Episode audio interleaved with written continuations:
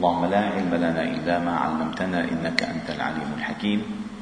علمنا اللهم ما ينفعنا وانفعنا بما علمتنا وزدنا علما. واجعلنا ممن يستمعون القول فيتبعون أحسنه. وأدخلنا برحمتك في عبادك الصالحين. ثم أما بعد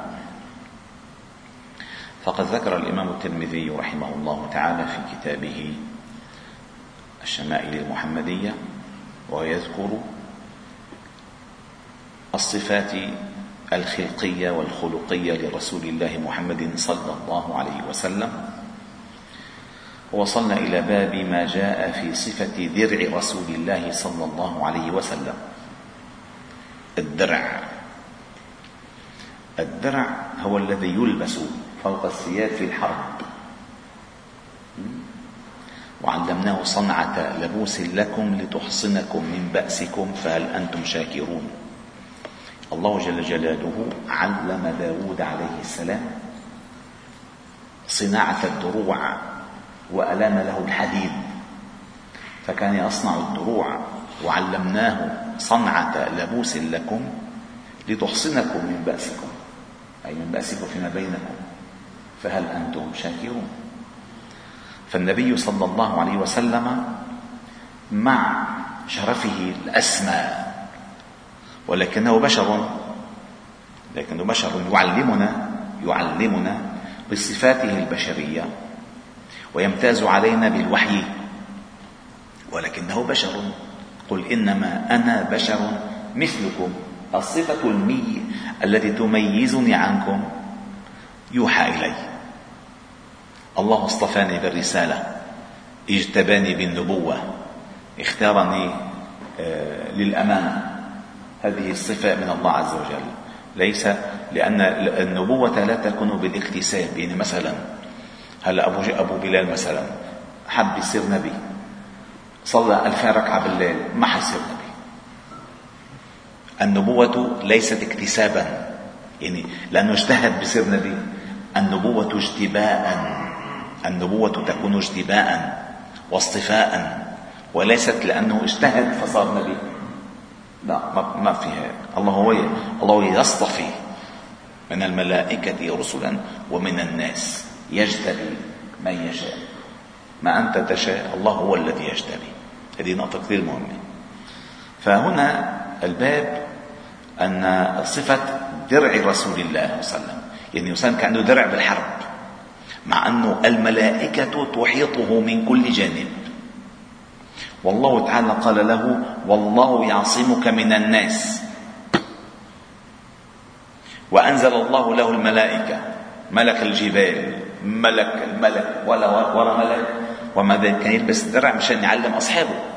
كما سبق أن ذكرنا لكم أن النبي صلى الله عليه وسلم عندما حج حج راكبا ويستطيع أن يحج ماشيا ولكنه أخذ بأقصر رخصة. حتى لا يأتي أحد من أمته صلى الله عليه وسلم بعده يقول إنه لا أنا بدي أعمل مثل ما عمل النبي صلى الله عليه وسلم. فالنبي صلى الله عليه وسلم عمل فصلى فحج راكب فما بحس بخجل وبيستحي فهمتوا كيف؟ فهنا في آه، سنذكر الحديثين يدل النبي صلى الله عليه وسلم أنه آه، أخذ بالأسباب كلها. دعونا نذكر الأحاديث اولا. قال حدثنا أبو سعيد عبد الله ابن سعيد الأشج. حدثنا يونس ابن بكير عن محمد بن إسحاق عن يحيى بن عباد بن عبد الله بن الزبير عن أبيه عن جده عبد الله بن الزبير عن الزبير بن العوام رضي الله تعالى عنه قال كان على النبي صلى الله عليه وسلم يوم أحد درعان كان على النبي صلى الله عليه وسلم يوم أحد درعان. فنهض إلى الصخرة فلم يستطع فأقعد طلحه تحته وصعد النبي صلى الله عليه وسلم حتى استوى على الصخرة وقال لطلحة أوجب طلحه أوف حديث خطير ومهم. يوم أحد أيها الأحباب الكرام معركة أحد معركة امتحن الله تعالى بها المسلمين. أولما أصابتكم مصيبة قد أصبتم مثليها قلتم أن هذا قل هو من عند أنفسكم. إن الله على كل شيء قدير. وما أصابكم يوم التقى, يوم التقى الجمعان بإذن الله وليعلم المؤمنين وليعلم الذين نافقوا. فإذا امتحان من الله عز وجل في إبتلوا بهذه النتيجة في معركة أحد. معركة أحد بداية كانت كان النصر حليف المسلمين. فعندما خالفوا أمر النبي صلى الله عليه وسلم آه، على جبل الرماة وغادروا مكانهم الذي أمروا أن يثبتوا فيه طلبا للغنيمة وظن منهم أن المعركة قد انتهت انقلبت انقلب النصر إلى ابتلاء وهزيمة. وكشف المسلمون وسقط منهم سبعون شهيدا. منهم حمزة عم النبي صلى الله عليه وسلم ومصعب بن عمير وعبد الله بن جحش وكبار الصحابة وكبار الصحابة. وكان النبي صلى الله عليه وسلم كاد أن يقتل كاد أن يقتل. وحفر له أبو عامر الراهب في باحة المعركة آه، حفرة وغطاها بأشياء يعني مثل فخ فسقط فيها النبي صلى الله عليه وسلم وشج رأسه وكسرت رباعيته ودخل المغفر في وجهه وسال الدم من وجهه. حتى صرخ الصارخ فيهم قتل محمد صلى الله عليه وسلم.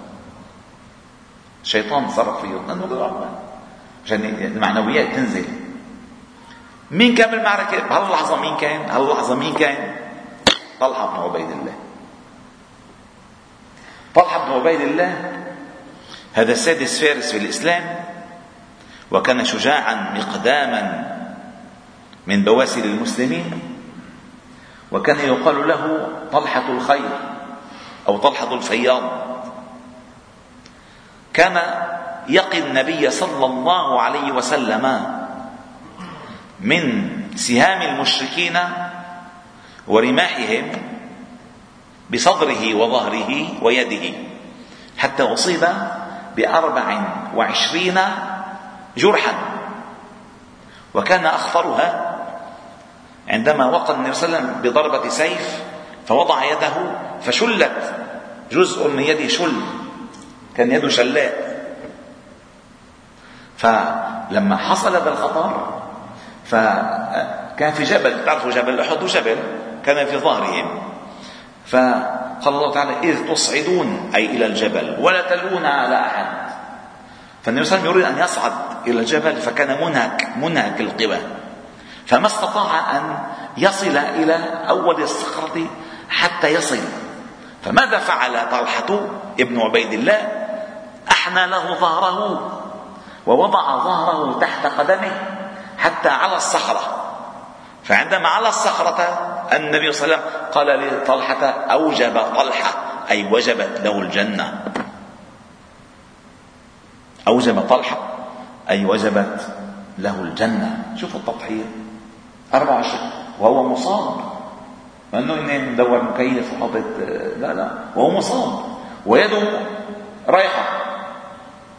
ويفر ويكر ويدعي صلى الله عليه وسلم فلما بده النبي صلى الله عليه وسلم يذهب بالصحابة إلى الجبل فما استطاع أن يرتقي الصخرة. للتعب الذي أصيب به وللدرعان اللي يصن وعليه درعان اثقال فوضع سيدنا طلحة ظهره تحته فعلاه. وعندما علاه علا به يعني على ذكر طلحة عندما وضع ظهره للنبي صلى الله عليه وسلم. التضحية. وهو كان من المبشرين بالجنة طلحة بن عبيد الله. يده الشلاء كان مشهور بيده الشلاء يعني إيده إيده المنزوعة بضربة السيف. انضربت. حتى ورد إنه راحت كل صابعه سبحان الله. فقال له قال وكان على النبي صلى الله عليه وسلم يوم أحد درعان فنهض إلى الصخرة فلم يستطع. فأقعد طلحة تحته وصعد النبي صلى الله عليه وسلم حتى استوى على الصخرة وقال لطلحة أوجب طلحة أي أوجب له دخول الجنة. وهذه بشارة من النبي صلى الله عليه وسلم. ثانية لطلحة لأن في الأولى عندما ذكر في الحديث أبو بكر في الجنة وعمر في الجنة وعثمان في الجنة وعلي في الجنة وسعيد بن سعيد في الجنة وسعد في الجنة وعبيدة في الجنة وذكروا كلهم في الجنة. والزبير بن في الجنة وطلحة بن عبيد في الجنة. ذكروا مجموعين وذكره هنا خاصة. قال أوجب طلحة. أي وجبت له الجنة. ثم قال وحدثنا أحمد بن أبي عمر حدثنا سفيان بن عيينة عن يزيد بن خصيفة عن السائب بن يزيد رضي الله تعالى عنه أن رسول الله صلى الله عليه وسلم كان عليه يوم أحد درعان. قد ظهر بينهما يعني درعان في فراغ بيناتهم. في فراغ بيناتهم يعني حماية أقوى.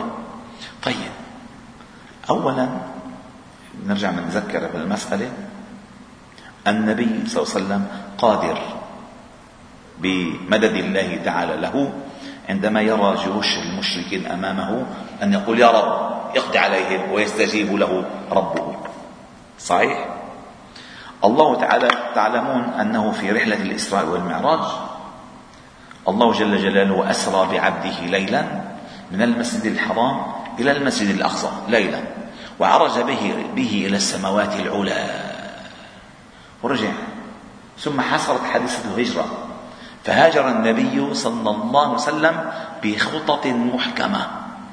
والله تعالى قادر الذي أسرى به بعبده من مكة إلى فلسطين ثم عرج به إلى السماوات العلى قادر على أن يأخذه من فراشه من مكة إلى المدينة من غير ما يدل 11 يوم بالطريق وثلاث أيام بغار ثور والناس عم تطلبه. ولكن الأخذ بالاسباب يعلم الشجاعة. ويعلم الأمة أن الأمور بدها تضحية وبذل وعطاء وصبر ومصابرة ومكابدة ومجاهدة ونضال وكفاح وجهاد. ما ما الطريق ليست مماهدة بالورود.